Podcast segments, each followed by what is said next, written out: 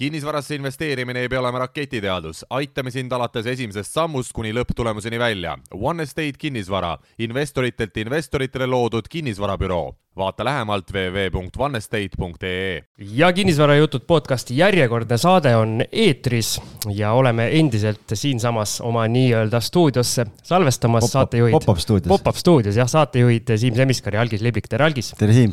ja kuna nii-öelda, nii-öelda praegu meie valdkonna kõige kuumem teema on see nii-öelda Rendini uus reklaamikampaania ja sina oled siis sellel nii-öelda vastaspoolel ehk maaklerite poolel, kes kõvasti pihta ja nii-öelda näopeksu sai sealt, et mis tunne on? tunne on kehv ausalt, et ma ei hakka vängemaid sõnu ei hakka kasutama, aga, aga jah, kurb, et, et ka meil saates külas käinud ettevõte on, on otsustanud nagu sellise noh, laim ei ole õige sõna, aga sellise rünnaku, rünnaku ette võtta, et, et, et maakleritele, kes on kolm aastat neile nagu kõvasti lobitööd teinud ja aidanud nagu brändi ehitada ja kliente tuua, et et järsku neid nagu kuskil avalikus ruumis nagu pättideks ja varasteks nagu tembeldatakse, et et arusaamatu ja, ja ütleme, et emotsioonid on tänaseks võib-olla natuke lahtunud, et nädal on möödas sellest, kui see, kui see asi pihta hakkas, aga aga kurb, et, et noh, see on selline pikem teema, et selle, seal võiks eraldi saate, saate suisa teha, et võib-olla, võib-olla täna sinna nii sügavale ei lähe, aga aga ütleme nii, et et olin ebameeldivalt üllatunud, šokeeritud, vihane, kurb, mis iganes, kõik asjad sellest, noh, et, et kui vaadata seda, et kuidas oma ärihuvide edendamiseks on osad ettevõtted või inimesed valmis nagu üle laipade minema, et, et karm mulle tundub, et sul nii-öelda tahtmist sellest rääkida kõvasti on, et võib-olla teeme sellest pärast ühe pikema boonusosa, saad kõik südamelt ära rääkida. aga lähme tänase osaga selles mõttes edasi, et meil on taaskord väga äge külaline stuudios. ja nii-öelda sissejuhatuseks, esiteks ma vabandan kuulajate ees, et minul on nädal aega mingi hull köha olnud, ehk siis kui, kui keegi siin taustal vahepeal nii-öelda rögiseb ja köhib, siis see olen mina, et ei ole algis. ma loodan, et me saate lõpuks kõik siin ei, ei köhi nüüd, et kahjuks distantsi väga suurt ei saa hoida, et. meil on need pleksiklaasid on vahel.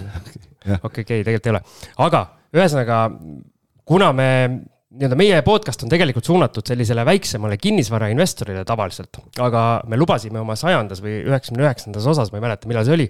head mehed, kes lubavadki. head mehed, kes lubavad, et me proovime hakata vaatama asjadele ka veidi nii-öelda laiema pilguga. ja just üheks selliseks saateks saab, saab olema tegelikult ka tänane osa, et kus me siis äh, sukeldume rohkem nii-öelda ärikinnisvarasse ja vaatame ärikinnisvaras toimetava ettevõtte Capital Milli nii-öelda tegemisi, sest meil on stuudios Capital Milli tegevjuht Kaarel Loigu, tervist! tervist ka minu poolt, jah!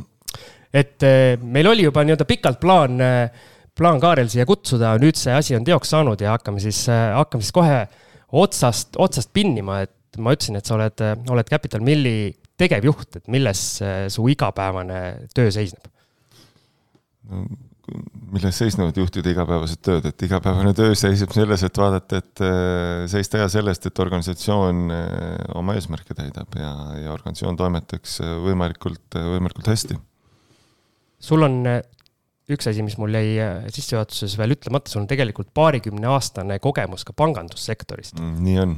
et see on ka üks nii-öelda huvitav aspekt, kuhu me täna kindlasti sisse läheme. kui kaua sa Capital Millis oled olnud, et millal sa panganduse karjäärile joone alla tõmbasid? ja ka panganduse karjäärile sai joone alla tõmmatud eelmisel suvel.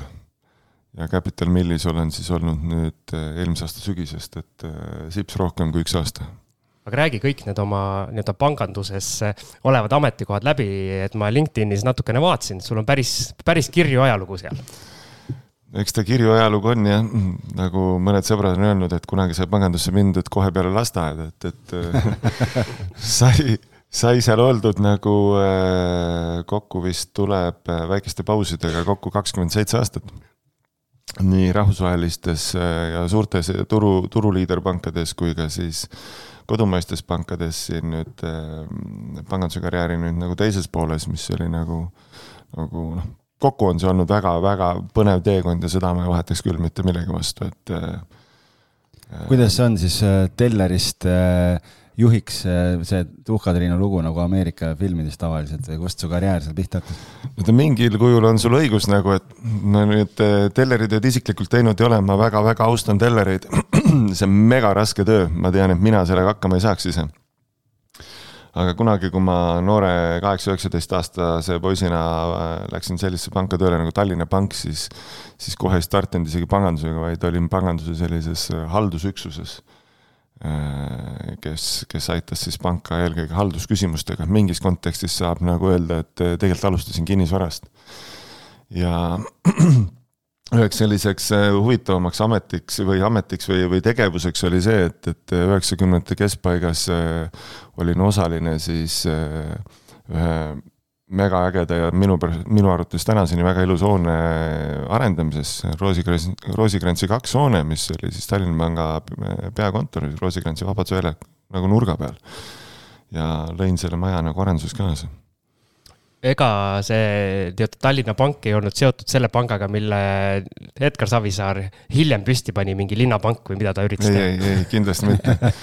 Tallinna, Tallinna Panga lugu sai oma, oma luigelaulu vist oli, kui ma ei eksi, üheksakümne kaheksanda aasta juunikuus, kui Tallinna Pank ja Ühispank äh, ühinesid ja, ja mis on tänaseks saanud, siis on äh, Rootsi SEB ostis üles sisuliselt, et, et siis on SEB tänane aga räägi, kui sa ütlesid, et nii-öelda naljaga pooleks, et justkui nagu lasteaiast otse panka tööle, et kuidas see pangandussektor kogu selle taasiseseisvumise aja muutunud on, et ma usun, et seal on, need muutused käisid päris, päris kiirelt, kes seda pangaseriaali on ka näinud, et eh, see, see oli ka päris huvitav vaatamine. jaa, ei, muidugi käisid muutused kiiresti, et ma mäletan, kõigepealt on see, et, et me pankurid oleme vanemaks saanud, on ju et äh, ma mäletan ühte aastaaruannet seal, äh, Tallinna Panga aastaaruannet, kas äkki üheksakümne kuuendast aastast, et kui aastaaruandes oli kirjas, et pangatöötajate keskmine vanus oli vist kas kakskümmend seitse aastat. et see, nagu te mõistate, et siis olid kõik väga noored, et äh, tänapäeval selliseid vanuseid sellises kontekstis ei saa, et, et ja ei peagi saama, et ma eeldan ka, et pangandus nõuab teatavat kogemust ja ja, ja sellist äh, laiemat pilti. kui sa seda seriaali Pank vaatasid, oled vaadanud seda? olen vaadanud, olen vaadanud jah. kui palju see reaalse eluga kokkupuudet tegelikult oli, et? Äh, ei no seal mingisugune, noh, see on äh, ehk see on mingis kontekstis on reaalset elu, mingis kontekstis on see ka reaalsest elust nagu, nagu kuidas öelda, ilustatud või, või ja võimendatud äh, elemendid ja, ja. pidu ja pillerkaar käis seal kogu aeg. ja pangandusest on seal nagu, nagu noh, mingid nopped on ju, pangandus ei ole ainult näiteks finantsturud ja nii edasi ja nii edasi, et seal on nagu, nagu väga palju laiemat ka, on ju. et äh, aga kindlasti oli huvitav, mul oli põnev seda vaadata, et äh, osad tegelaskujud, keda mängiti, noh, isiklikult tunned, et siis oli nagu noh, otsisid tegelikult natukene teisi, teisi elemente, mida võib-olla tavavaataja. lisaks Tallinna Pangale, kus sa siis veel oled oma kätt saanud külge panna? Oh,? on saanud toimetada üle seitsme aasta kunagises Hansapangas, mis oli väga südamelähedane, rõhutan, et Hansapangas, Swedbankis ei ole kunagi töötanud niimoodi, et, et äh, sealt, äh, sealt sai kunagi jah, siis kaks, jah, ma ei tea, kas kaks tuhat kuus sai, sai ära liigutud, kui tegelikult Swed hakkas rohkem mängu tulema. ja, ja kui see bränd veel oli Hansapank minu mäletamist mööda aga võib-olla üks selline kõige ägedamaid lugusid on, on siis järgmine etapp, et äh, kuna mul ise olen inimene, kellel meeldib asju pigem ehitada, juhina ka. et äh, kutsuti, tehti kunagi selline pakkumine, et ähm, tulla ühte panka ehitama. kui ma kaks tuhat kuus tegelikult pangandusest lahkusin või Hansapangast lahkusin, siis ma mõtlesin, ma elu sees enam panka tagasi ei lähe Äh, olin paar, paar kuud eemal, aga sain sellise telefonikõne, et, et tead, Kaarel, et me siin, meil siin üks rahvusvaheline pank on Eesti turul tulnud, tol korral oli see tuntud nimel DNB Nord, siis hiljem oli DNB ja tänaseks on sellest saanud Norde, peale Nordeaga ühinemist Luminor. et me oleme turul tulnud, et tuleb panka ehitama ja siis ma mõtlesin, no, noh, seksikamat pakkumist enam ei saa olla, no tõsiselt ka ja siis ma olin üle seitsme aasta selle panga nagu riskijuht, on ju. aga kuidas käib ühe panga ehitamine? räägi lollile lahti paari lausega noh, kui sa sinna lähed, siis täna ausalt öeldes noh, või tähendab, kui ma tol korral sinna läksin, et ega ju sul ei ole ühtegi nagu manuaali ees, et, et, et kuidas hakkab panka ehitama, et palju meid oli Eesti filiaalis tööl, et ma arvan, et meid oli tollel hetkel üks kakskümmend inimest tööl. bilansi maht oli äkki, ma ei tea, kuuskümmend, seitsekümmend miljonit eurot tolleks hetkeks, kui ma lahkusin, oli üle, üle, üle kuuesaja miljoni euro vist. peast võttes, on ju eks sa hakkad nagu nurgast minema, et, et äh, sellel hetkel, see oli eel, enne, eel, vahetult enne eelmist kriisi, et, et ma läksin sinna kaks tuhat kuus, seitse talvel, detsembris, selles aastavahetuses. ja nagu me teame, mis juhtus kaks tuhat kaheksa aasta septembris, on ju, ma eile just käisin vaatamas äh, Draamateatris Lehman Brothersit niimoodi, et, et et, et vaata, kuidas hästi asjad langevad kokku, aga, aga eks sa hakkad äri kasvatama, on ju, sa kasvatad äri, aga noh, mina olin riskijuht selles majas ja pidin vaatama seda, et need asjad äh, kasvaksid balansseeritud vastavalt nõuetele, regulatsioonidele ja, ja et, et, et oleks kaks jalga maas no ma kujutan ette, et kui sa olid riskijuht ja see nii-öelda litakas ära käis, siis äh, ööd ja päevad olid tööd täis või nii-öelda mis tundega esiteks sinna kriisi mindi panganduses ja mismoodi sealt hakati välja tulema?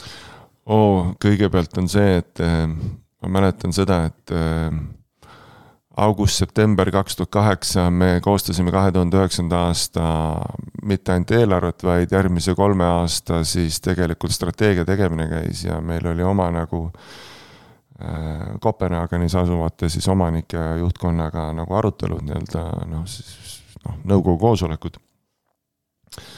kus siis äh, alguses hinnati, et öeldi, et kuulge hästi vennad, et teil on nagu äh, teil on natukene vähe ambitsiooni see oli üks, ütleme äkki noh, loetud nädalad enne, enne Crash Boom Bangi on ju, et, et teil on vähe ambitsiooni, et, et pange hagu juurde, et te olete liiga kaks jalga maas siin, et, et. ja, ja siis ma kuupäeva ei mäleta, aga siis läksid mingid ajad mööda ja, ja sain Kopenhaagenis, Kopenhaageni riskijuhilt kõne, et Kaarel, stopp, landing oligi, öeldi nagu konkreetselt, et pange pidur, jah? noh, ütleme sellel hetkel eh, noh, sa pead tegema mingisuguseid selliseid otsuseid eh, ja sellise kõne ma tõepoolest sain, et eh, loomulikult ega, ega see elu päris selliseks ei jäänud. aga kui sul käib crash, boom, bang, sa pead tegema mingeid äkkotsuseid. sa pead, noh, sul on noh sa pead otsustama, et kas sa siis nagu tõmbad mingi piduri peale, ei tõmba piduri peale, sa pead saama endale aega nagu olukorra analüüsimiseks, arusaamiseks, mis tegelikult turgudel toimub. ja sellise kõne ma tõepoolest sain, ehk siis me natukene arutasime, mis määrani, et, et see ei tähenda seda, et sa nüüd äh, paned päris lendingu seisma, ei päris seisma ei pandud, et, et äh, ikkagi, aga noh, selli-, selline väljend tollel hetkel esitati aga miks see kriis eelmisel, või tähendab eelmine kord nii sügavaks muutus, meil siin paljud külalised on ka rääkinud just see, et see laenuraha kadus justkui tagant ära. et eh, need Rootsi pangad tõmbasid ka ennast täiesti välja, et kui palju see oli nagu koordineeritud tegevus pankade vahel, kas te omavahel ka konkurentidega suhtlesite või igaüks tegi need otsused nagu iseseisvalt? ei, mina saan öelda, et igaüks tegi iseseisvalt, et eh, meie olime siis eh, Norra ja Saksa panga ühis, kuidas öelda, ühisettevõte me ikkagi Rootsi pankadega vähemalt minu tasandil neid asju ei arutanud, et loomulikult meil olid noh, pangaliidus ja, ja nii edasi sellised koosolekuid ja, ja ajurünnakuid ja mida kõike oli, on ju. et aga, aga neid otsuseid tegid eh, kõik pangad ikkagi iseseisvalt. aga kas need otsused tehti siis mitte nagu Eestis lõpuks, vaid ikkagi välismaal, et kui sa ütled, et sulle nii-öelda tuli kõne. käsuliin. ei no see, see oleneb, igal pangal ikkagi oma, oma juhtimist nagu loogika ja tegelikult ega kohalikul tasandil on sul otsuste tegemise võimalused ja peavadki olema juba seadusandlusest tulenevalt olemas. aga noh, grupitasandi arutelud on sul ka väga selgelt olemas, on ju. ja ega sa ikkagi väga vastuvoolu ujuma ei hakka versus sinu grupp, on ju, niimoodi, et kui nüüd viimase selle kümne aasta peale tagasi mõelda, mis on nii-öelda see eelmisest kriisist taastumise selline noh, kuidas ma ütlen, kuldaeg on ju, et siis tegelikult peale seda kriisi üsna, üsna ruttu hakkas hästi palju tekkima erinevaid igasuguseid noh, kiirlaenuettevõtteid ja, ja, ja tänaseks on ka mõni pank äh, välja kasvanud sealt ja ma mäletan, ma mäletan äh, seda, et siin aastaid, kui noh, juba aastaid tagasi ikkagi hästi palju pangad rõhutasid, et Eesti Panga poolt on nüüd loodud see vastutustundliku laenamise printsiip ja nüüd lähtutakse sellest ja ja, ja kui palju sa täna tagasi mõeldes nagu sellele eelmisele kriisile, äh, kui suureks sa pead nagu seda, et, et see, et see kukkumine nagu nii ränk tuli meil siin, et tegel-, et, et kui suur roll oli selles, et tegelikult ikkagi see pangapoolne, see laenupoliitika oli ikkagi nagu noh, see oli see oli ju nii, nii vaba käega anti laenu vasakule ja paremale, et, et kui tundub sulle, et natukene läks võib-olla nagu käest ära enne eelmise kriisi algust see asi või? no kuidas ma selle peale saan öelda, et ilu on vaataja silmades või, või, või mis provokatiivsed väljendid veel, kellele ema, kellele tütar, on ju. et äh, küsimus on jah, kus suunas sa vaatad, et noh, mina vaatan seda panganduspoole pealt, et ma olen kuulnud äh, täpselt neid samu väljendeid, nagu sa ütled, et äh, kas asi läks käest ära. Noh, ma toon, et äh, pankade poole pealt, pangad andsid liiga lihtsalt laenu, siis ma meenutan vana korvpallurina ühte, ühte võistlussõitu käisime esiliiga mängul vist äh, ma ei mäleta, kas, kas Kadrinal või Kadrinas või kuskil Virumaalt me tulime ja siis üks ettevõtjast, äh, olime kaotanud mängu kahjuks ja üks ettevõtjast, siis oli juba kriis nagu peal. see oli Tammsalust tulles. kusjuures ma ei välista, et oli Tammsalust, ma arvan, et pigem äkki oligi Tammsalust, sest Kadrina tol ajal esiliigat vist ei mänginud, võis olla Tammsalust. ma arvan, et algisel kätt selles küll ei olnud, et te kaotasite. oli, oli, oli. ja seal algise perekonnanimega ühel teisel vennal oli võib-olla käsi sees, jah et aga see selleks, üks sõidame bussis tagasi, tujud on nagu norus, on ju, ja, ja siis üks ettevõtjast võistkonnakaaslane küsib, kuule, Kaarel, et aga miks te pankadest üldse laenu ei anna? et, et keerati nagu see spekter sada kaheksakümmend kraadi nagu teispoole, pank, pangana sa oled siinpool süüdi, pangana sa oled sealpool süüdi et on ta headel või halbadel aegadel, näita mulle nagu seda, kus pankasid kiidetakse tänases ühiskonna, ühiskonna vormis, et et äh, saad sa liiga palju laenu, on pahasti, ei saa sa laenu, on pahasti, on ju. ei, ma olen. Äh, intress on alati liiga kõrge. intress on alati liiga kõrge, Euribor tõuseb, pangad on süüdi, on ju. et äh, nii edasi, nii edasi, on ju, et kui sul on raha üle, siis deposiidi intressi ei maksta, on ju, noh, noh, nii ta on, on ju. et äh, vaata, minu arvates eh, need kõik eh, asjad mõjutavad eh, omavahel, et ettevõtjad tahavad laenu saada, nad saavad, klient tahab kodu ostmiseks laenu saada, kui asjad on balansis, ta saab. metoodikad on täienenud, nõuded on täienenud, peavadki täienema, me lähme järjest targemaks, ühiskond muutub. See kõik on nagu selles kontekstis mõistlik, jah, bürokraatiat on juurde tulnud, mingi bürokraatia on mõistlik, mingit bürokraatiat me nagu vihkame kõik, on ju aga me lähme targemaks, need asjad peavadki parenema, see on areng, on ju. Mulle tundub, et kuna nii-öelda pankade käes on see võim ja raha justkui, siis, siis see on nagu töösse sisse kirjutatud, et pead, igal, pead igalt poolt nagu nii-öelda selle peksu vastu võtma. No selles kontekstis, kontekstis on see õigus, sul on õigus, on ju, et eks see kasvatab nagu, nagu paksu, paksu nahka ka, aga noh, näed, nüüd mina olen pangandusest välja saanud, et et eh, nüüd ma olen üks aasta nagu eh, istunud teisel pool lauda ja. küsid ja... samu küsimusi, jah? no ma päris samu küsimusi nagu ei küsi, et, et minu spekter on läinud selles mõttes väga palju laiemaks, et nüüd, kui ma nagu, nagu ettevõtluskeskkonna poolt pankadega räägin, siis, siis ma räägin ju praktiliselt turu kõikide pankadega ja kuna meie äri ei ole ainult nagu Eestis, vaid on äh, nii Eestis, Lätis kui Leedus, et räägin ka Läti ja Leedus neid samu asju, noh, näen erinevaid käekirjasid, spekter on laiemaks saanud ja ma ütleks nüüd niimoodi, et pankurina ma olen äärmiselt suurem äh, professionaal praegu, kui ma olin aasta aega tagasi äh, pärast äh, sealt, ütleme siis tolle nimega DNB-st lahkumist, jõudsid sa tegelikult enne, enne Capital Milli veel töötada kolmes pangas, ma saan aru, Citadele, Versopank ja, ja Coop. oo oh jaa. on nii, eks? on nii. ja see Citadele värk ma ei tea, räägi see lahti, kui palju sa saad rääkida või mis seal juhtus täpselt? ei no ma saan rääkida jälle niimoodi, et äh, kui ma, mis see oli, äh, kaks tuhat viisteist lõpuga ütlesin siis äh, meil Norra omanikele ära, et, et et aasta lõpp on jube hea aeg lõpetamiseks, et tõmbab minuga jutud vahele, et, et mul sellel hetkel ka, ma olin nagu, nagu pangandusest väsinud, kuigi me väga ägedat asja sai teha, ma vedasin viimased kaks aastat Pan-Balti tasemel liisingut, et, et, et rahvusvaheline töö on alati mulle äh, nagu väga meeldinud. aga läksin ära ja siis ma ütlesin jälle, et no ausõna, ma ei lähe panka, millegipärast grupi juhtkond arvas, et, et kas Nordea või mõni muu pank on mul kangesti järel, on ju, et, et mõni konkurent mind ära napsab, on ju no ei läinud, no ei olnud mingit äh, tahtmist, äh, pigem oli siin mingisugused äh, eraettevõtluse soovid ja, ja ka tegelikult korvpalliga tegelemise soovid olid palju sügavamad, laps mängis korvpalli, mul olid treenerilitsentsid ja ma, ma tõsiselt panustasin meie korvpalliklubis ka noortetreenerina. ja korvpalliliidus ja nii edasi. et aga aga jah, mingid kuud hiljem äh, kuidagi Citadelega me teineteist leidsime, olin lühikest perioodi seal äh,. Mm, saime nagu mõne kuuga aru, õigemini mina sain aru, et tollel hetkel meil äh, need veregrupid sellisel kombel ei, ei, ei ühtinud. Äh, väga head läbisaamised, siiamaani nende inimestega seal suurepärased läbisaamised. aga lihtsalt minu jaoks ei tundunud nagu asi nagu klappivat ei klappinud võib-olla ka selles suhtes, et ma olin töötanud sinnamaani kogu elu nagu suurtes rahvusvahelistes pankades ja võib-olla see arusaamine, kuidas ja mida ei, ei olnud minu jaoks nagu, nagu kätte jõudnud, et äh, oli vaja võib-olla mingisugust sellist äh, minu enda jaoks kasvamishetke.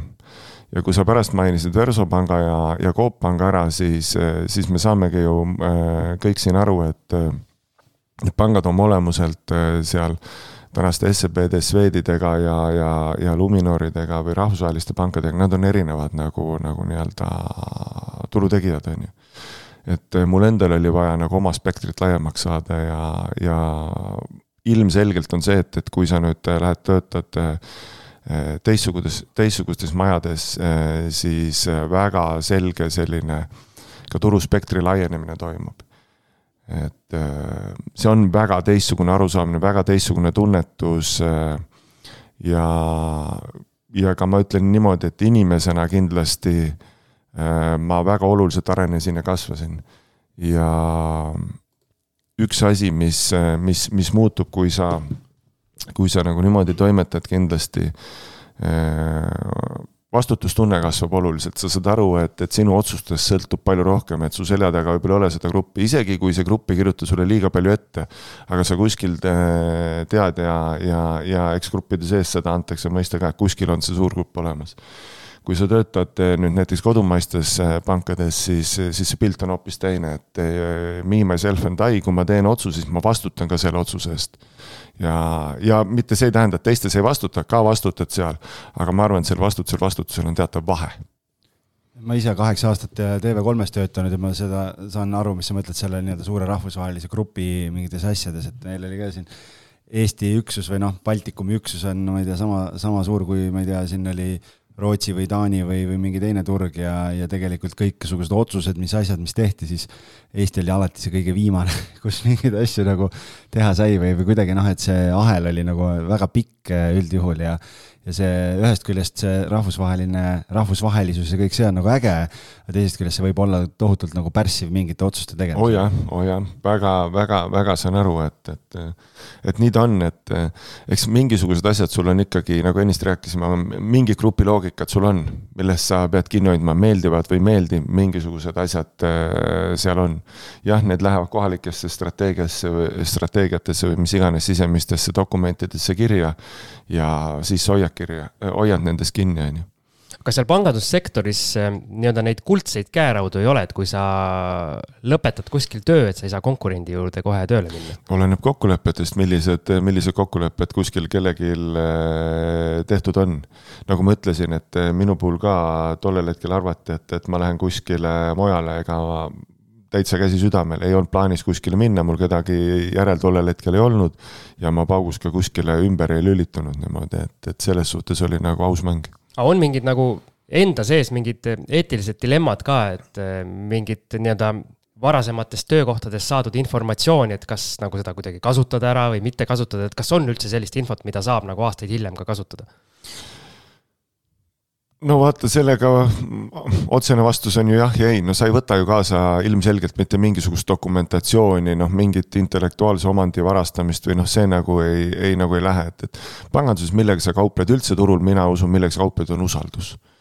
et eh, ka minu arust ettevõtluskeskkonnas, et, et kui mina lähen praegu panka nagu ettevõtte esindaja, ma kauplen ainult usaldusega, ma saan ühe korra lasta endale jalga ja pärast seda mind keegi tõsiselt ei võta, on ju küll aga nüüd äh, minnes su küsimuse nagu, nagu teise poole peale, et noh, sa oled, sa oled töötanud, toimetanud, see, mis on su peas, millised kogemused, teadmised, oskused on, seda ei saa sult keegi ära võtta.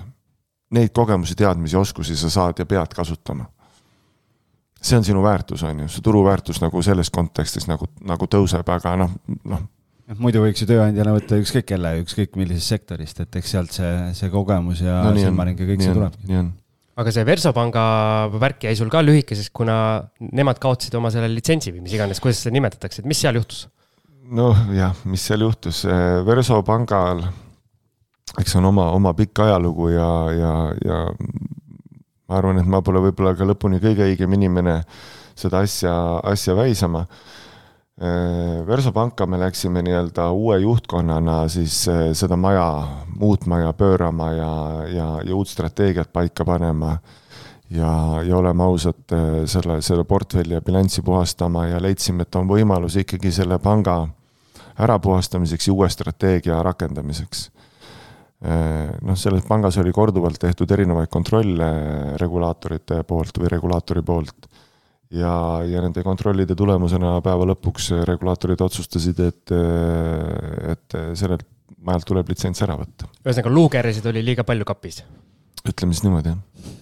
okei okay., proovime nüüd kinnisvara juurde jõuda, et kui palju sa oma nii-öelda pangandusajaloos äh, puutusid äh, kas siis otseselt või kaudselt kinnisvaraga kokku?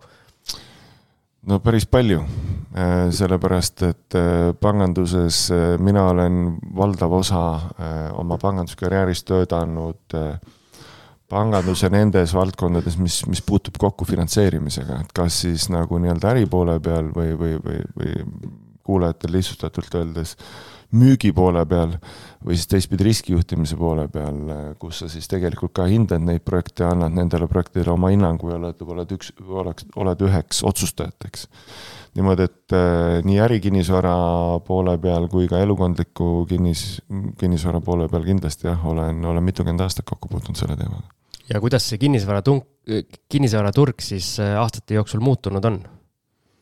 no paremuse poole. ainult ju suuremaks ju ei no kindlasti on kinnisvaraturg äh, muutunud aastate jooksul ju professionaalsemaks, selles pole, pole nüüd äh, nagu küsimus, et, et äh, kindlasti professionaalsemaks, kindlasti on ta arenenud, kindlasti dünaamilisemaks ja mitmekesise, mitmekesisemaks. me ennist rääkisime sellest eelmisest suurest kriisist ka, et kas, kas sinu vaatest praegu mingid asjad meenutavad seda kaks tuhat seitse, kaks tuhat kaheksa, seda suurt buumitippu ka, kus asjad juba hakkasid vaikselt kõrbema minema? vot hea provokatiivne küsimus Pikk sul. pikk ja kandev mõttepaus oli siit tuleb hea vastus. Noh. tuleb jah. no pressure. ma, ma, ma, ma lähen, ma lähen ajalukku tagasi, ma, ma nii vana mees juba, et ma mäletan veel, mis ta seal oli, üheksakümnendate lõpu, nullindate alguse, siis ka, mida nimetatakse vist ametlikult koodnimena Vene kriisiks või kus ma olin ka noore poisina panganduses, panganduses tööl et, et eks neid kriise on nagu erinevaid ja erinevates ametites erinevate kogemuse pagasiga ja teadmiste pagasiga nagu läbi tehtud, et iga kriis nagu õpetab ja koolitab. kas nüüd saab nagu nüüd otseselt mingeid võrdlusvärke vahele panna makroanalüütikud üritavad ja ütleme, majandusteadlased üritavad ju neid võrrelda. noh, mina ise nagu suuremat sorti makromees ei ole et neid kriisi kuulutamisi on, on siin ju ennem ka olnud, et ähm, kas me oleme kriisis või meil on rasked ajad, noh, mis mis see kriis on? kaks tuhat kaheksa kuni kaks tuhat kümme, kui me niimoodi meelevaldselt paneme neid ähm, timestamp'e, noh, nimetame ikkagi kriisiks, sest seal äh, kukkusid turud nagu võimsalt, noh kinnisvara kukkus kolmkümmend kuni viiskümmend protsenti, ma mõtlen see kinnisvara, kus, mis oli nagu mingil kujul väärindatud, maad polnud praktiliselt midagi väärt et äh, laias laastus, on ju. et äh, noh, raudselt seda võis nimetada kriisiks, on ju. kas me täna elame kriisis? noh, täna meil on väga palju erinevaid muremõtteid, me võime, me kahe tuhande kahekümnendast me räägime koroonakriisist, noh, ma ei tea, pildistame nüüd tagasi, mis te ütlete. olime viimased kaks aastat otseselt kriisis olnud või? kui see oli kriis, siis sellist kriisi sellest tahaks elada, on ju. et äh, aga kindlasti noh, äh, olin tollel hetkel panganduses, on ju, et, et kui sul pannakse pool elu kinni, on ju, või kogu elu kinni, noh siis, siis võib seda raudpolt öelda kriisiks, et äh, kolm kuud tegime kõik kodus tööd vähemalt, noh, mina tegin kodus tööd kolm kuud, noh, see pani meid täiesti teistsugusesse olukorda, nagu tundus kriis. Samas finantseerimine jäi alles, ettevõtjad oma investeerimisotsustega jäid alles. Niimoodi, et äh, päeva lõpuks, kui me tulime tollel äh, suvel nagu oma urgudest välja, siis oli kõigil nagu ikkagi laias laastus nägu naerul. Ehm, noh, me võime vaielda nende toetusmeetmete üle, kelle, keda ja kui palju nad aitasid, on ju. aga päeva lõpuks oli niimoodi, et me heas mõttes olime kõik elus ja, ja me materiaalsed väärtused olid piisavalt hästi kaitstud, on ju. ja pangad andsid väga, väga varmalt andsid laenu. laenuportfellid kasvasid, jah. aga kas see ikkagi peab, peab paika, et nii-öelda kaks kriisi ei ole kunagi samasugused, et, et kõik tahavad otsida selle eelmise kriisi mingeid, mingeid märke nüüd tänasest päevast, aga võib-olla me otsime üldse valest kohast? no mingisuguseid märke kindlasti, noh, see on loogiline, et sa otsid äh, ja analüüsid ja, ja otsid neid märke, et noh, sa tahad võib-olla olla ju ka noh kuidas öelda, juba ainuüksi see näitab, et sa, sa, sa oled nagu mõtlev inimene, arenguvõimeline ja ja tahad olla võib-olla näiteks konkurendist või turu teisest tegijast parem, et, et, et saada aru, et, et mis mehhanism, mis mehhanismid nagu turul töötavad või mis mehhanismid turul ei tööta, on ju. et noh, kindlasti selles eelmises kriisis nagu sellist ülevõimendamise ohtu oli, et ostujõud versus versus siis nagu, nagu see, mis turul toimus, noh, seal, seal mingit sellist eh, disbalanssi kindlasti oli, täna ma arvan, on seda disbalanssi oluliselt, oluliselt palju vähem. Nendel aegadel ikkagi mm, me ühiskond ei olnud veel nii, kuidas ma öelda, mature ka ja ei olnud ei oldud kogutud eh, sellist arvu kapitali, täna on turul, ma mõtlen ka kohalikku kapitali oluliselt palju rohkem, kui oli nendel aegadel. see teeb meid kõiki tugevamaks. aga kui me nüüd läheme veel konkreetsemalt, äh, noh, iga kriisiga on ju Euribor. Äh, oota, enne kui sa Euribori juurde ja. lähed, ma küsin veel, veel korra selle küsimuse ära, et äh, endise pikaaegse pangandusinimesega no nii, rääkides, ma tahan nüüd seda küsida, et kui nüüd peaks ikkagi noh, tulema selline, selline asi, mida me nii-öelda hiljem tagantjärele hakkame kriisiks nimetama. mis sa arvad, kuidas pangad käituvad, kas kas tuleb kõne kuskilt peakontorist ja öeldakse, et stopp, stopp Estonian guys või, või ikkagi päris nii hulluks ei lähe?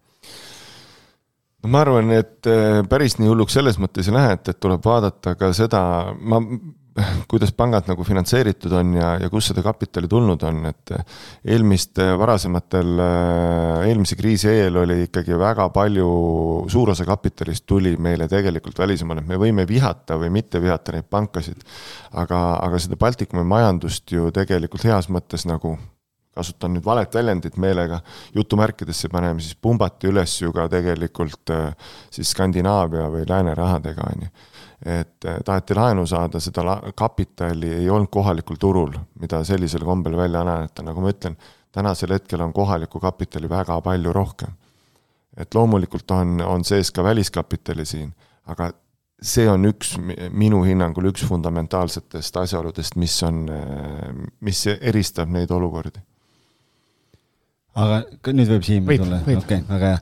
et Euribori juurde tulles, et noh, et äh, eelmise kriisi aja tipus me käisime seal peaaegu kuue juures äh, ära Euriboriga ja vahepealsel ajal siin inimesed harjusid ära sellega, et Euribor on negatiivne ja nii justkui peakski nagu olema, et nüüd viimase paari kuu jooksul või on siin, on siin märkamatult juba, juba kahe peale ja isegi üle, üle selle nagu Euribor tõusnud, et äh, sina pikaaegse pangandustaustaga inimene, et kas üldse meie kuulajatele äh, nii-öelda maakeeli lahti seletada, mis asi on Euribor?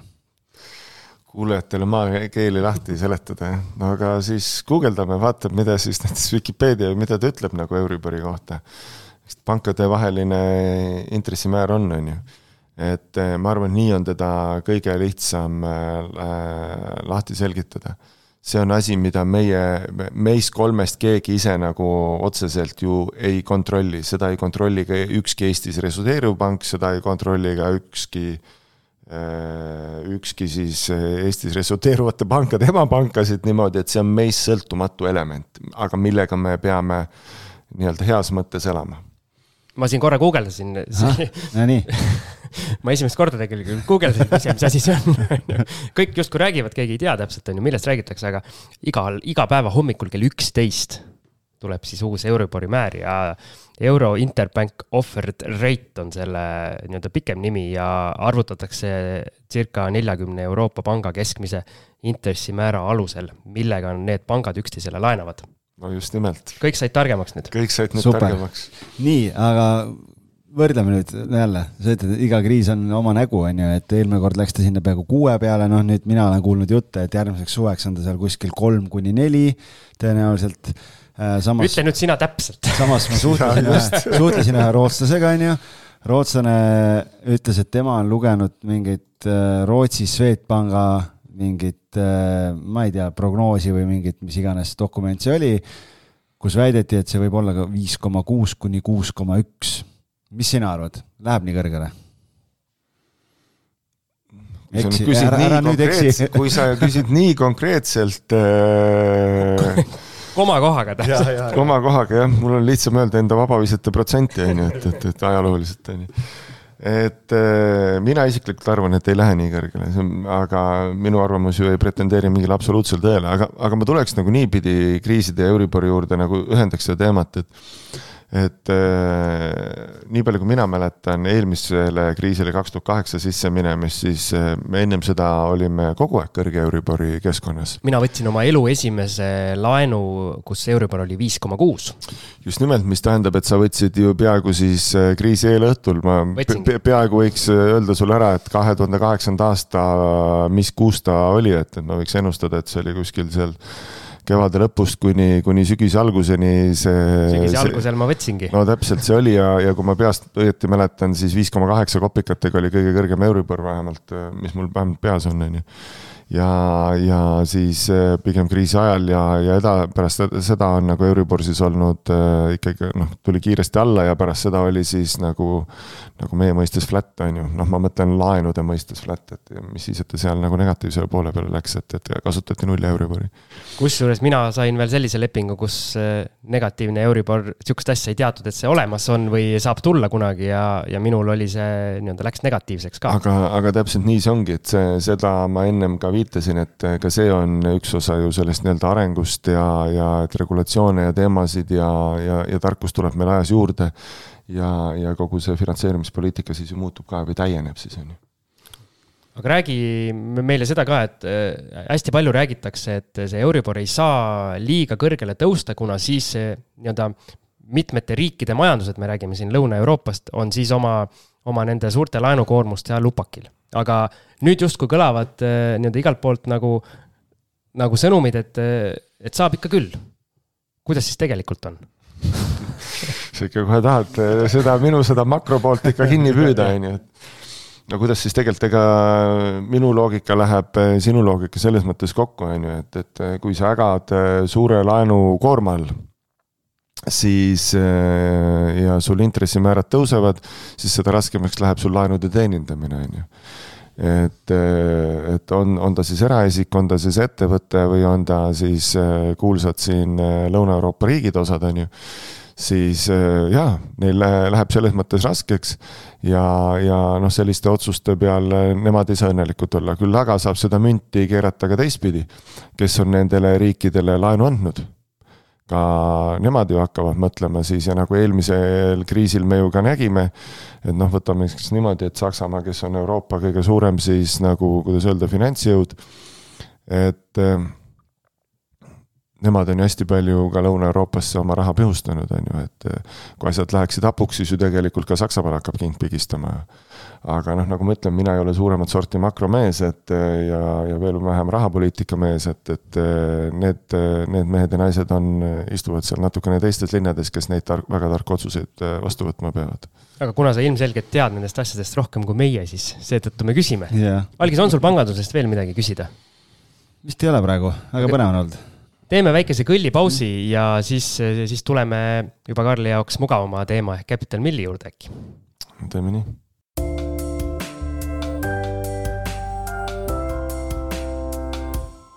nii, oleme pausilt tagasi ja nagu lubatud, siis, siis kaugeneme sellest pangandusteemast äh, ja minu hästi lihtne küsimus, mis asi on Capital Mill? Capital Mill on äh, ärikinnisvara ettevõte või veel täpsem, tegelikult Capital Mill on otseselt öeldes äh, teenindusettevõte, kinnisvara teenindusettevõte. et millega me tegeleme, on ärikinnisvara arendamisega ja ärikinnisvara siis haldamise ja juhtimisega kui ma vaatasin teie kodulehte, siis seal ähm, nii-öelda alamlehel objektid on ähm, väga, väga lai, äh, lai valik erinevaid äriobjekte, kuidas see portfell teil nii-öelda kokku on saanud, et, et hästi erinevad objektid, suured, väiksemad ja nii edasi? No tegelikult Capital Mill on ju päris pika taustaga ettevõte, et circa viieteistaastase ajalooga ettevõte äh,. Igor Mölder ja, ja Marko Kulli poolt loodud ettevõte ja, ja siis hiljem on, on liitunud äh, Tanel Saamann, nemad on meie kolm omanikku, on ju äh,. see portfell on aastate jooksul äh, sellisena paika saanud äh, ja mida veel, et äh, võib-olla mida, mida peab siin äh, nagu eristama ja aru saama, et äh, Capital Millis on siis ja Capital Mill teenindab siis, juhib siis kinnisvara ja arendab kinnisvara nii, nii enda omanikega siis seotud kinnisvara kui ka siis investorite kinnisvara, on ju, kes kuuluvad meie portfelli. kuidas teie nii-öelda see investor baas loodud on või kes, kes teiega investeerida saab või ma ei tea, kuidas see õige küsimus kõlab. sa ütlesid, et investoritele arendate ka, et, et mismoodi jah, see, see pool välja näeb? jaa, meie puhul on tegemist siis nii-öelda valdavalt erainvestoritega ja me ei ole ühtegi sellist fondi tüüpi asja teinud, et äh, meil on no, pigem äh, selline lahendus, et üks investor, üks objekt. või siis objektide portfell, aga et me ei ole miksinud ära, et äh, et äh, väga selgemapiirilisem ja, ja, ja läbipaistvam on meil äh, nagu niimoodi toimetada. et äh, me ei ole jah, sellise fondipõhise lähenemise peale läinud. ühesõnaga, kui, kui algisel Assamallast oleks mingi, mingi suurem nii-öelda äriobjekt kuskil, siis ta saab tulla teie juurde ja anda see nii-öelda teie haldusesse või? no teoreetiliselt ta saab anda meie haldusesse või aga, aga, aga jah, noh, see on ka niimoodi võimalik, et mida me oleme siis jah, nagu teinud või mida me siis teeme. et äh, on siis nii, nii investorite kui siis äh, võõrfinantseerimisena, kommertspankade finantseerimisega ostetud erinevaid objekte, äh, rahavoo siis objekte,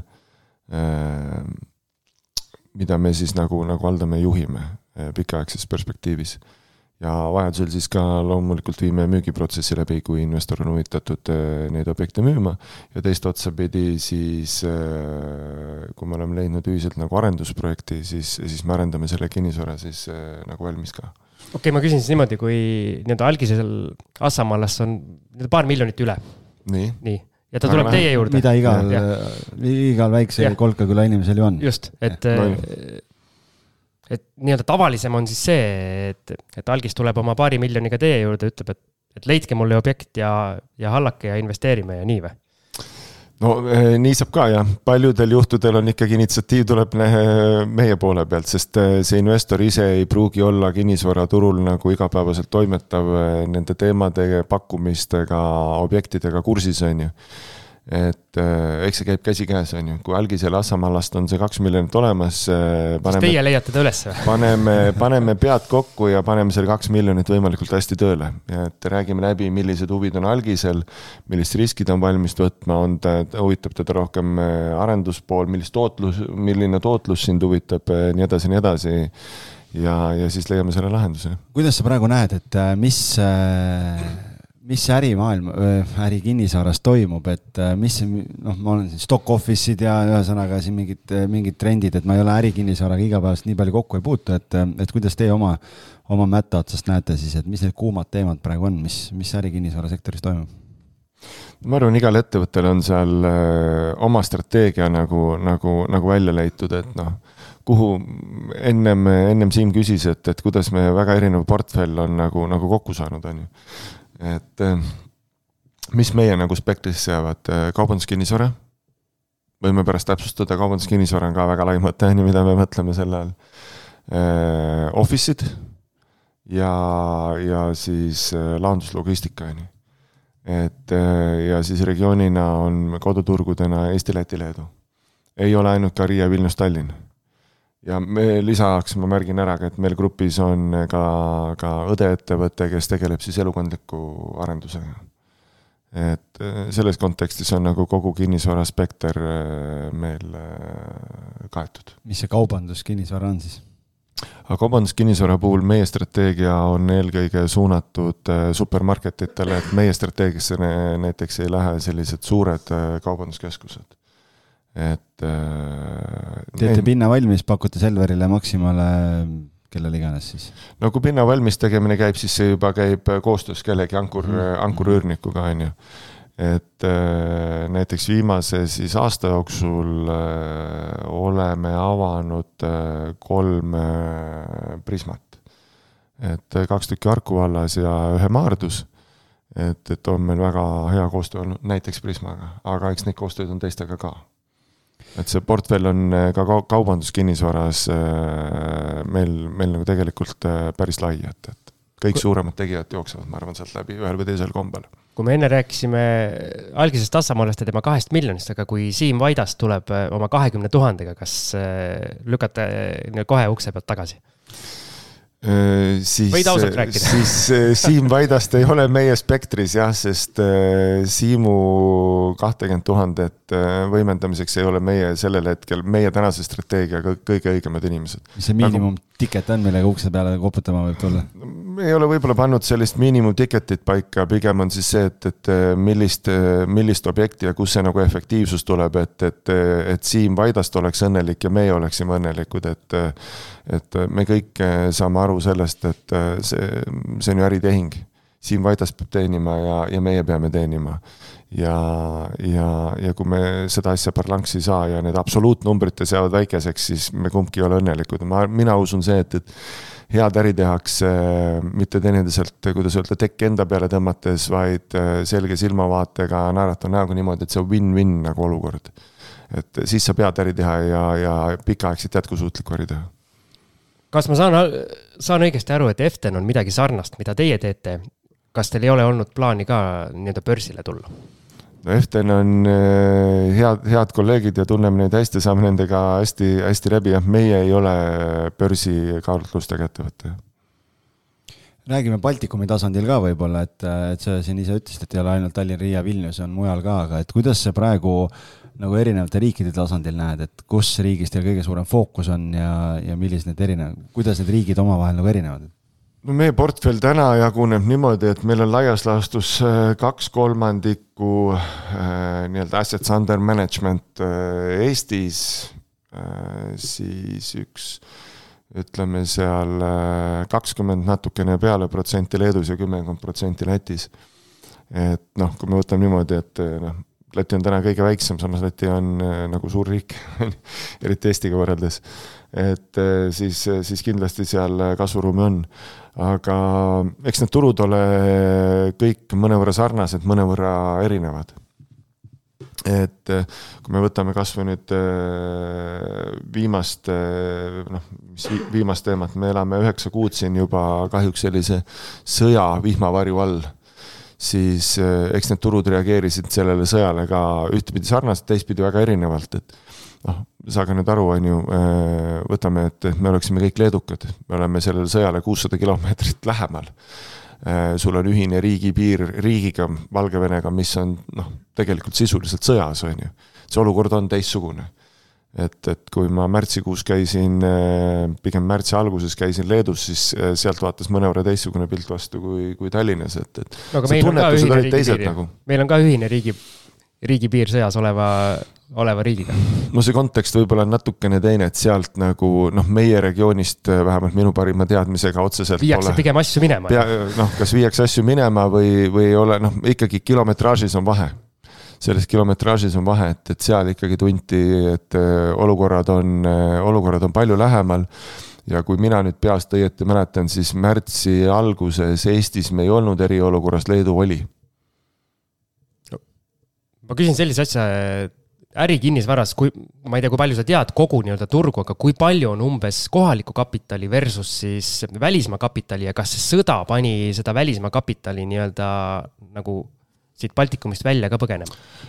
Äh, mingis kontekstis kindlasti äh, ja ka kapitaliga on nagu, nagu erinevad, äh, kuidas öelda, kes sul turul toimetavad, need tegijad on nendes riikides nagu erinevad, kui ma nüüd hästi nagu lihtsustan ära, siis siis Leedus on mängus nagu ka suured näiteks Saksa fondid, mida me, mida me nagu siin põhja pool nagu väga ei näe.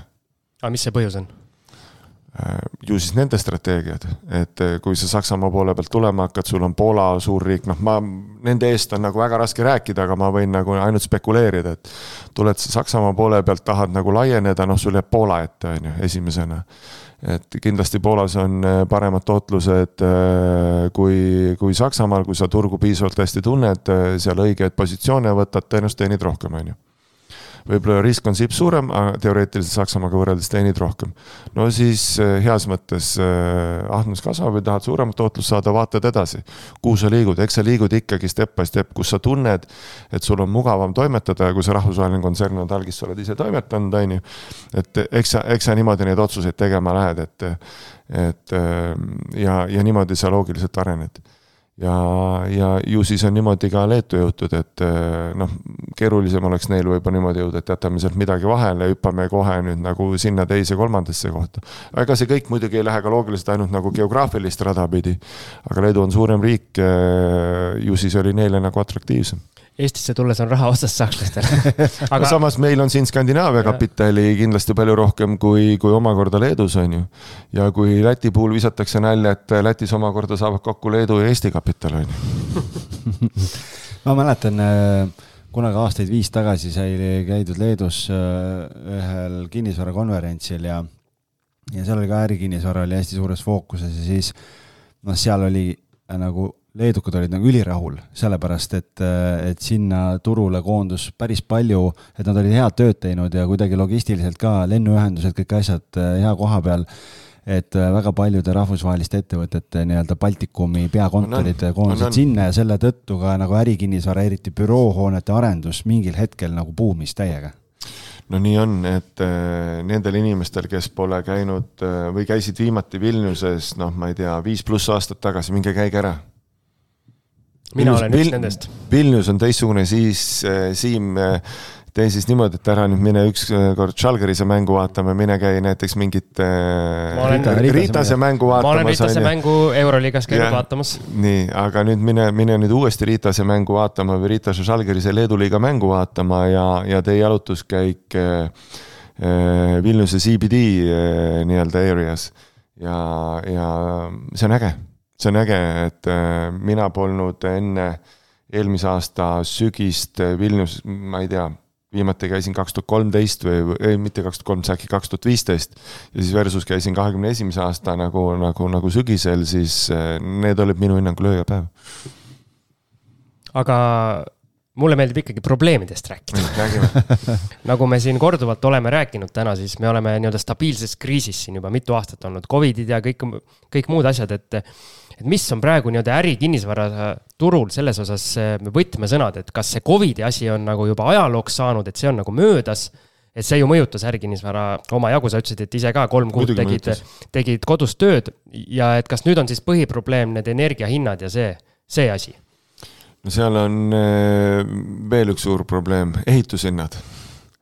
Eh, materjalihinnad, mis siin, mis siin ka noh, kevadel nagu kõvasti üle, üle, üles viskas, eks nad on mingil määral stabiliseerunud ja, ja, ja, ja muutunud ka pärast seda, on ju, eks elu on dünaamiline, on ju. aga siiski üks, üks väga suur difference maker eid on, on tänane ehitus- või arendushind versus siis seda, millised on tänased üürihinnad. Et seal ei ole väga head mis äh,, match'i täna vastupidi, on nagu mismatch, sa tahtsid probleemidest rääkida, said probleemi, on ju et äh, selle võrra on keerulisem äh, täna arendada, et äh, kinnisvara siis või arenduse absoluuthind on kõrgem, kui me lähme nüüd hästi-hästi plain vanilla lihtsaks.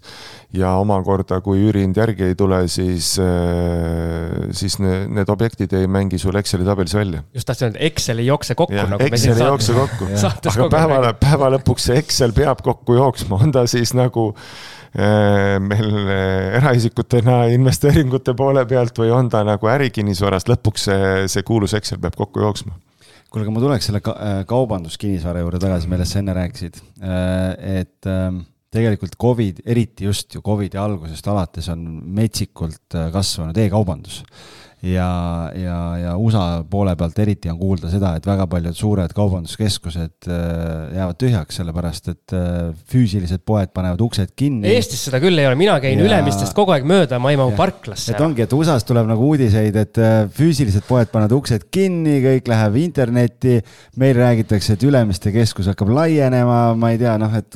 T1 tuleb tagasi. mis, mismoodi sina seda näed, mis meil siin toimub? Nonii, nüüd ma siin härrased ajakirjanikud panen panen aga puit teil alla. Te ei ole tutvunud oma külalisega siis piisavalt ja kodutöö on tegemata. kaks päeva tagasi Postimees avaldas minu äh, kirjutatud äh, arvamusnupu äh, just kaubanduskinnisvarast. no vot, siis sa sa saad meile resümee. nüüd on see, et, et kuna teil on, teil on arvutid ees ja minul ei ole, palun kiiresti lugege reklaamide Postimehest, et lugege artikkel läbi, saate teada, mida mina sellest asjast arvasin, et Siim nüüd. Äh, me teadlikult ei loe, vaata ei loe et.... ma ei oska guugeldada, mul nüüd näpud värisevad, pandi kohe, eetris pandi tanki.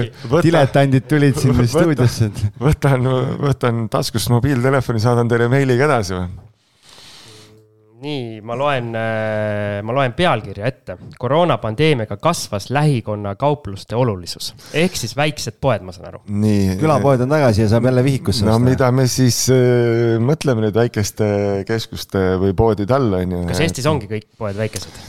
no vist kõik poed ei ole väikesed, aga nagu ma ennem viitasin, et äh, ka meie ettevõttel äh, see strateegiline fookus on eelkõige nendel nii-öelda meie mõistes siis supermarketi tüüpi äh, äh, objektidel või keskustel. toidupood, apteek, lillepood. just selline klassika, sul on eh, noh, võtame, nimetatakse objekti siis noh, teateks näiteks eh, Disker Prisma, eelmine aasta augustis eh, meie poolt arendatud. mis seal siis on?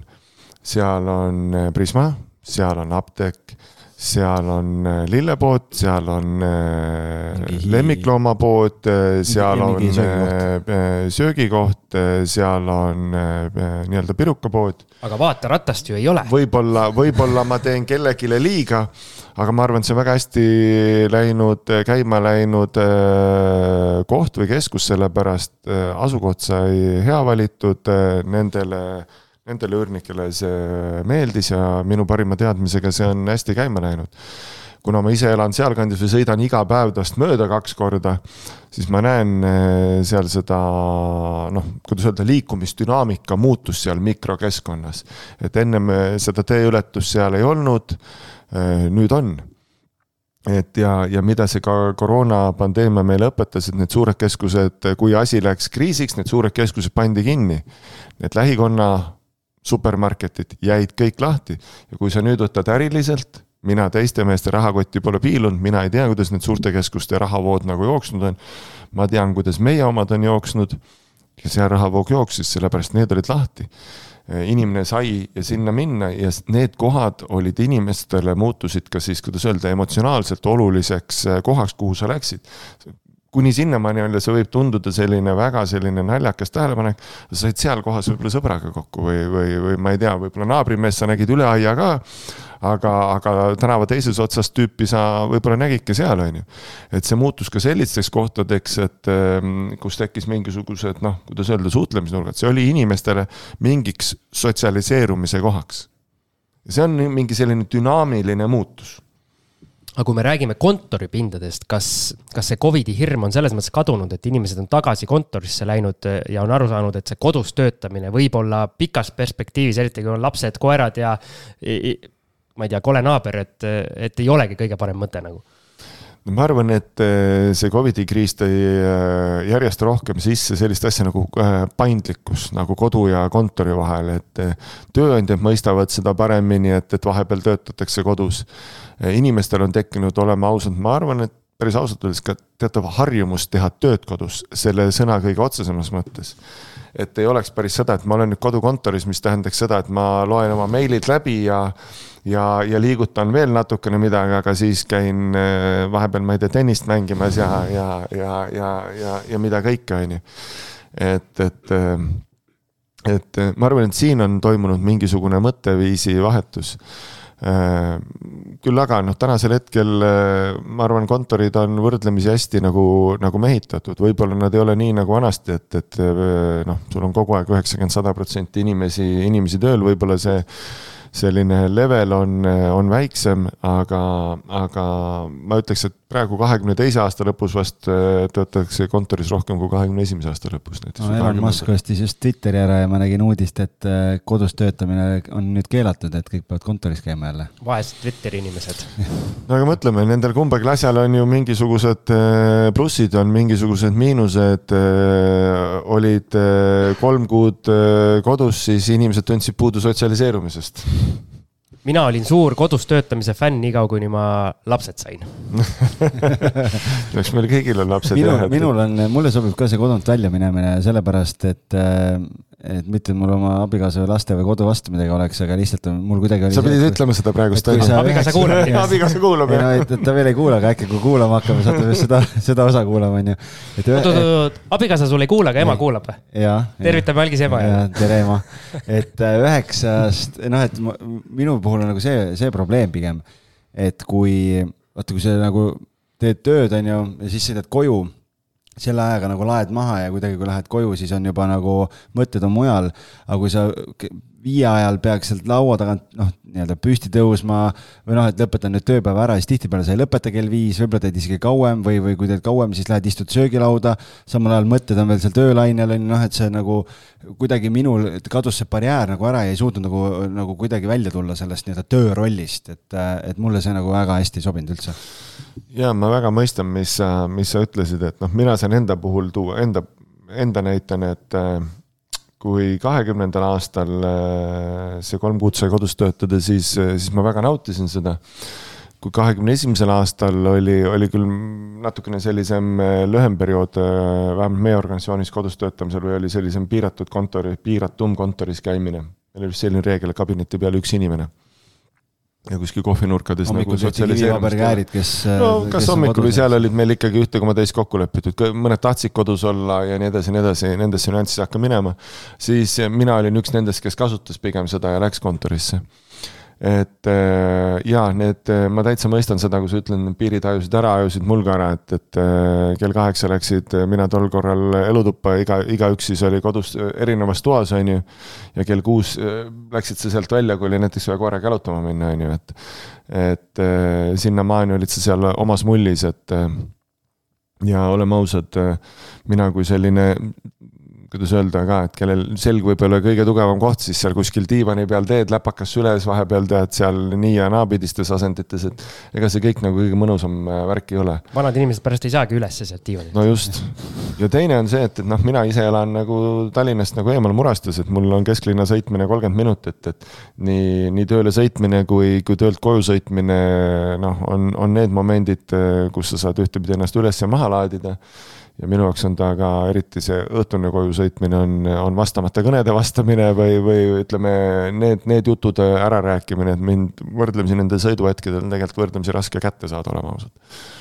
aga põhimõtteliselt ma saan su jutust aru või teen sellise järelduse, paranda mind, kui ma eksin, et äh, ikkagi selline tavaline kontor kontori äripind ei kao mitte kuskile, vaatamata, et seal nii-öelda Covidi tipus ikkagi hakati juba seda juttu rääkima, et varsti teevad kõik inimesed kodust ja kõik bürood on tühjad.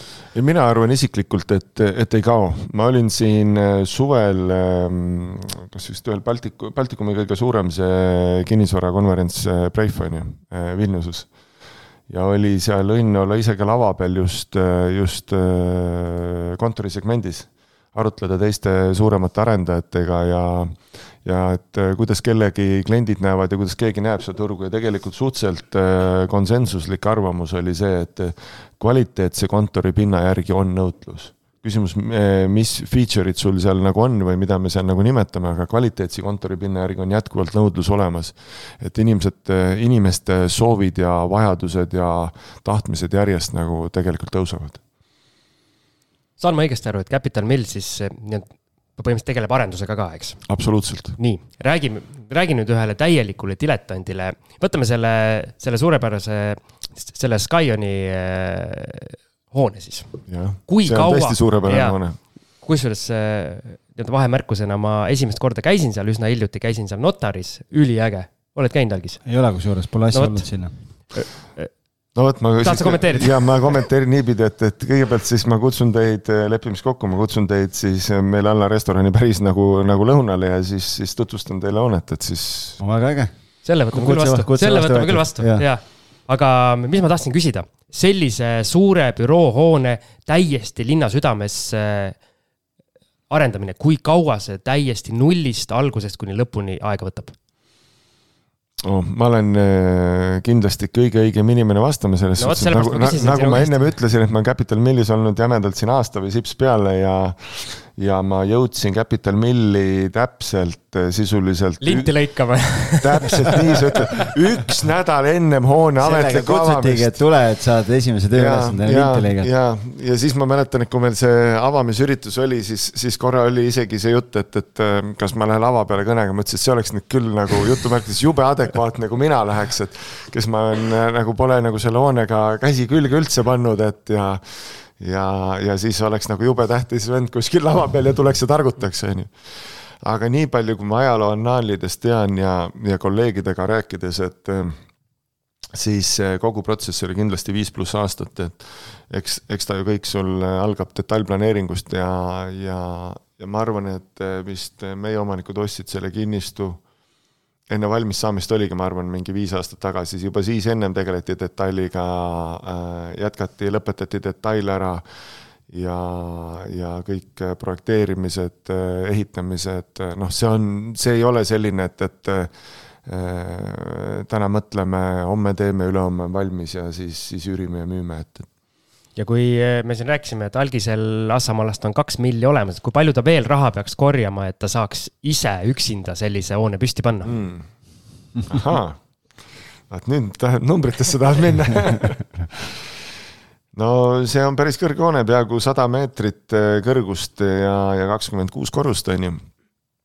ja kaks tükki veel maa all, ehk siis paneme siis kakskümmend kaheksa korrust et eh, eks seda numbrit eh, saab mõõta päris eh, mitmekümne miljoni euroga tegelikult kogu seda, kogu seda investeeringu mahtu. kümmet sõpra veel vaja, kellel kaks miljonit on. et sealt on vaja veel neid sõprasid, kellel on seda kahte miljonit vaja ja siis on vaja ka kindlasti ikkagi head kommertspanka, kes, kes mõistab su äriplaani ja, ja sinuga kaasa tuleb, et äh, antud hetkel äh, meie näitel olid siis need kõik äh, nagu, nagu tagatud, et olid olemas omanike kapital kui ka siis, kui ka siis panga näol noh.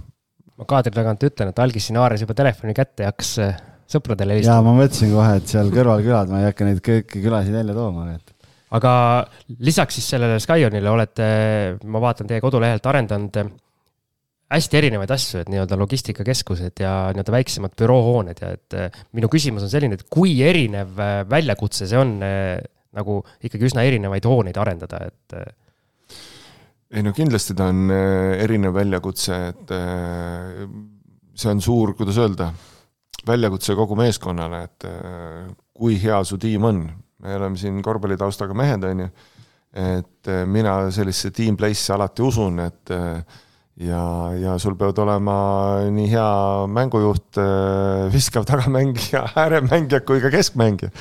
ja ma arvan, et meil see on, et äh, see tiimil on äh, seda kogemust ja nutikust nende arenduste tegemisel, ka nende erinevate arenduste tegemisel. aga, aga teist otsa pidi äärmiselt oluline ka, kellega sa teed, sa, sa ei lähe, noh, meie ei ole läinud ühtegi nagu blankoobjekti ehitama et äh, kui sa lähed kaubanduskeskust ehitama, siis äh, sul on olemas seal partner, kellega sa teed. et äh, sul on nende nõuded olemas, nende, nende vastu sa vaatad enda võimalused, vajadused, räägid ehitajatega läbi, nii edasi nii edasi. Et projekteerijatega, et see on selline väga mitme muutujaga võrrandi lahendamine, aga see on kindlasti koostöös noh, erinevate osapooltega ja kui palju teil neid objekte siis praegu pipeline'is on, et palju on selliseid objekte, mis lõpuks valmis saavad ja kui sa linti lähed lõikama, siis võid, võid rahul, nii-öelda rahuliku südamega ise selle kõne pidada? no täna on nüüd selline, et eh, meil need arendused, mis meil eh, jooksid ärikondlikus kinnisvaras, need on prakti-, peale ühe erandi on, on lõpuni joostud et eh, meil näiteks Eestis ei ole ühtegi aktiivset arendust praegu üleval ärikondlikus kinnisvaras. meil sõsarettevõttel elukondlikus kinnisvaras on Lätis on meil üks tegemine lõppjärgus ja, ja see meil arenduste poole pealt praegust kõik, me ei ole ühtegi uut arendust täna nagu avanud. me töötame nendega, aga avanud me täna ei ole räägi sõsarettevõttest ka, et see sõsarettevõte on Eestis või on ta kuskil teises riigis ja, ja mis täpsemalt? Sõsarettevõtte nimi on Avalon Estates, et, et ta on Eestis ja, ja tegeleb siis elukondliku kinnisvara arendamisega ja, ja selle ettevõttega toimetame puhtalt, puhtalt Eestis ja, ja arendused on olnud praegu Tallinn ja, ja Harjumaa siis. aga ka teatava ajalooga ettevõte ja meil on seal pipeline'is ka täna päris, meil on päris palju oleme arendanud ja tegelikult on ka praegu valmimas kaks objekti või jah, siin tehakse, tehakse paaril objektil võlle juba. ja, ja siis, siis oleme avamas ka mõningaid arendusi. algis juba guugeldas. Äh, ja noh, nimi on äh,, nimi on tuttav, ma ei teadnud lihtsalt äh,, ei teadnud seda, et see on sõsarettevõte teil, et äh, jaa, siin on päris. kus need arendused on siis, räägi meile ka siin on äh, praegu ma vaatan, on müügis on äh, siin äh, Kalevi seitseteist, Linda kolmteist, siis on Kiili villas, Vabriku nelikümmend üheksa, siis on Väike-Taani ehk Viimsis Äigrumäel selline aedlinnast, eramajadest ja ridamajadest koosnev arendus. Tartu maantee nelikümmend neli tuleb, Narva maantee sada seitsekümmend neli A tuleb, Telliskivi kaheksa, Hermanni kaheksa, Luise kolmteist, nii et projekte, siin on nagu projekte kõvasti pipeline'is, et äh, Tõnise, Laane serva Viimsisse, nii et äh, no see tundub, et tööd jagub. tööd jagub ja, ja ka päris eriilmelisi projekte ja, ja on, on nii korterelamuid, on, on ridakaid, on, aga me oleme võtnud ühe väga suure ja ambitsioonika plaani ka, et võib-olla siis ma jutumärkides kasutan võimalust noh, jutu, reklaami teha, aga, aga teistpidi võib-olla see jutt ei olegi mõeldud reklaamina. sa mainisid Väike-Taanit et eh, tegelikult eh, seal me oleme võtnud väga ambitsioonika plaani, et seal on ikkagi eh, sisuliselt nimetame seda ikkagi kogukonna või sellise kogu küla ehitamiseks. see on mõeldud saja seitsmekümne kuuele leibkonnale, see on selline viie-kuue aasta projekt meil. et mille, mille arendamises me oleme nagu alustanud ja, ja oleme selle löönud etappideks, praegu esimeses etapis ehitame ja arendame valmis siis kolmkümmend, kolmkümmend kodu, kuusteist, kui ma nüüd peast mäletan, kuusteist, kuusteist eramaja, siis üks kaheksa korteriga kortermaja ja kaheksa, kaheksa boksiga ridakas, on ju. et aga see on päris nagu selline keskkonna ja, ja loomine, et see on, see on väga äge asi. ja sinna tuleb ka väga äge asi ma vaatan, siin on kokku sada üks eramaja, kakskümmend üheksa ridaelamu boksi, nelikümmend kuus korterit, lasteaed, puhke, sportimise ja rekreatsioonialad. just, sinna tuleb. kõik on koos ühes kohas siis. sinna et... tuleb koos ühte kompleksi, et see on siis, äh, ta kuulub Viimsi valda, ta on äh, Viimsi ja Tallinna piiri peal, kui me siis võtame Pärnamäe, Pärnamäge ja, ja noh, ma ütlen, ta on selles mõttes äge, et ta, tal on, sul on seal kõik transpordilahendused Viimsiga olemas, samas sul Pärnamäe teed mööda jookseb sul transpordilahendused Tallinna linnaga, on ju. et äh, ütleme, kõik, mida on äh, sul eluks vajalik, äh, saab seal olema, sa juba mainisid paljud asjad ära. ka meie suur armastus, korvpalliväljak tuleb sinna ka, on ju, et. Nonii, Siim hakkab nüüd Jürist kohe asju pakkima ja, ja. soovitan, jaa, me võime Siimuga rääkida läbi, et milline objekt Siimule meeldib, et nüüd teen omakorda mina juba Siimule müügitööd siin. ma ei tea, Jüris on ka korvpalliväljak no kindlasti on, kindlasti on, aga nüüd on sul võimalik siin uh, uus kodu muretseda. Siim, ma küsin, kuidas sinust see mööda läks, et uh, et see on tehtud, on paarismajad Jüri Alevikus, Jüri villas. ma just klikkisin no, just selle need, lahti, just, just klikkisin lahti selle. just need. no vot, hiljaks jäin, hiljaks jäin. eks ma siis pean ootama, kui midagi järgmist seal Jüris käima pannakse.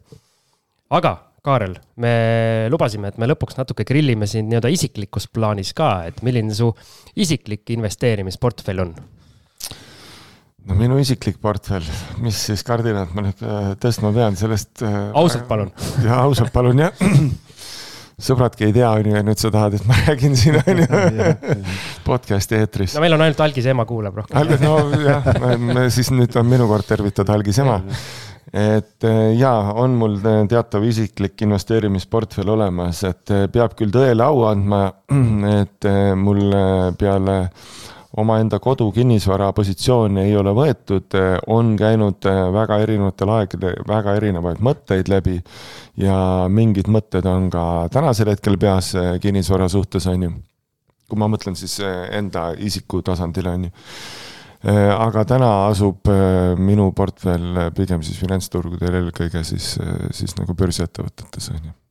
oled sa nii-öelda börsil Eestis ja Baltikumis või nii-öelda kaugel lombi taga? Peab tõele on, au andma, et karjuv enamus on Baltikumis, jah. nii et hoiad nii-öelda kodule ligemal? no ta on niimoodi praegust välja kujunenud, et, et on kodule ligemal, see ei tähenda, et ma ka kodust kaugemale ei vaata, aga praegust äh, faktuaalselt on ta kodule ligemal, jah kas sinu varem pangandusajalugu kuidagi, on su portfell kuidagi sinnapoole ka siis kaldu või? no sa vaevlasid seda konna silma peale vajutasid jah, et, et kindlasti on seal portfellis äh, kaldu täna, riskid ei ole siis selles kontekstis võib-olla liiga hästi juhitud, on ju. või siis vastupidi, või siis vastupidi, kuna sa valdkonda ikkagi tead süvitsi. liiga, liiga balansseeritud või et ei, panganduse osakaalu on seal äh, tummiselt jah, et äh, on seal mitut panka sees, et ma pean tõele au andma jah, et, et äh, kõige suurem osa on seal Coop Panka. okei okay,, aga nüüd siis äh, nii-öelda nagu meie podcast'i kontekstis valus küsimus ka, et kuidas sa niimoodi kinnisvarast mööda oled vaadanud siis? kuidas see võimalik on? no ma olen otseselt, ma siis saan enda vaba, enda vabanduseks ainult öelda, et otseselt kinnisvaras olen ma toimetanud ju aastakese, pole jõudnud, on ju et see, see igapäevatöö võtab nii palju ressurssi ära, et, et iseennast olen ära unustanud. või siis on niimoodi, et kui sa hommikul võtab terve päev üheksast viieni nii-öelda nüüd kinnisvaras toimetad, siis ongi, sõidad autoga koju, siis äh, ei viitsi enam selle kinnisvaraga. vana arm ei ja. osteta.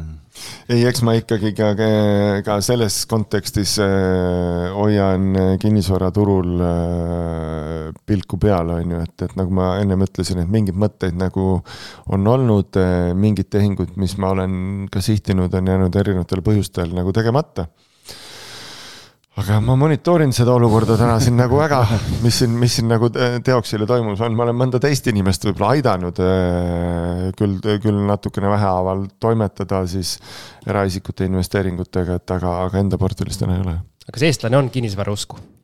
no me ju näeme, et eestlane on kinnisvarausku ju. eestlane, eestlane, eestlane on ju puhta, puhtal kombel kinnisvarausku ja, ja, ja noh, oma, omamisusku sellega on super hea lõpetada. ja ma rohkem ei ütle midagi. ma ka ei ütleks midagi. sellega on äh, hea lõpetada, paneme joone alla, aitäh, Kaarel, et sa said tulla. aitäh kutsumast. super äge oli, super äge oli. ja me siis jääme küllakutset ootame, no nii-öelda konk konkreetselt. selle teeme ära siis. selle teeme ära ja siis kuulajatele ka, et meil ikkagi plaanis on natukene nii-öelda laiemat äh, vaadet veel anda, et äh, endal huvitav, kindlasti väga hariv ja. ei, väga põnev oli, väga põnev. aitäh ja kuulmiseni. tšau. tšau.